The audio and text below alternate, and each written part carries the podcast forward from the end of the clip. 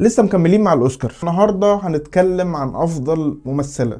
معانا تاني حاتم منصور الناقد المتميز اللي كل مرة في الغالب توقعاته بتصيب. آه، كيت بلانشيت عن فيلم تار آه، كيت بلانشيت ده الترشيح الثامن لها وكسبت أوسكار مرتين قبل كده. فطبعا أنت بتتكلم عن حد ال history بتاعه تقيل قوي في الجوائز عن أي حد آه، ناقشناه آه الفيلم كله قايم على كتفها لأن أنت بتتكلم عن نوعية الأفلام اللي هي قايمة على الشخصية قوي. يعني يمكن آه باستثناء يمكن بلوند في الأفلام اللي فاتت أو تو ليزلي.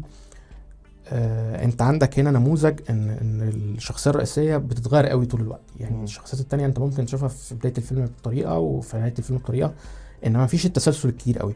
هنا في في فيلم آه، تار آه، فيلم ساعتين ونص تقريبا كيت بلانشيت يعني آه، آه، بتغيب عنه لمدة خمس دقائق بالكتير طول الوقت على على الشاشة وعاملة دور ده يكاد يكون أحسن دور في تاريخها.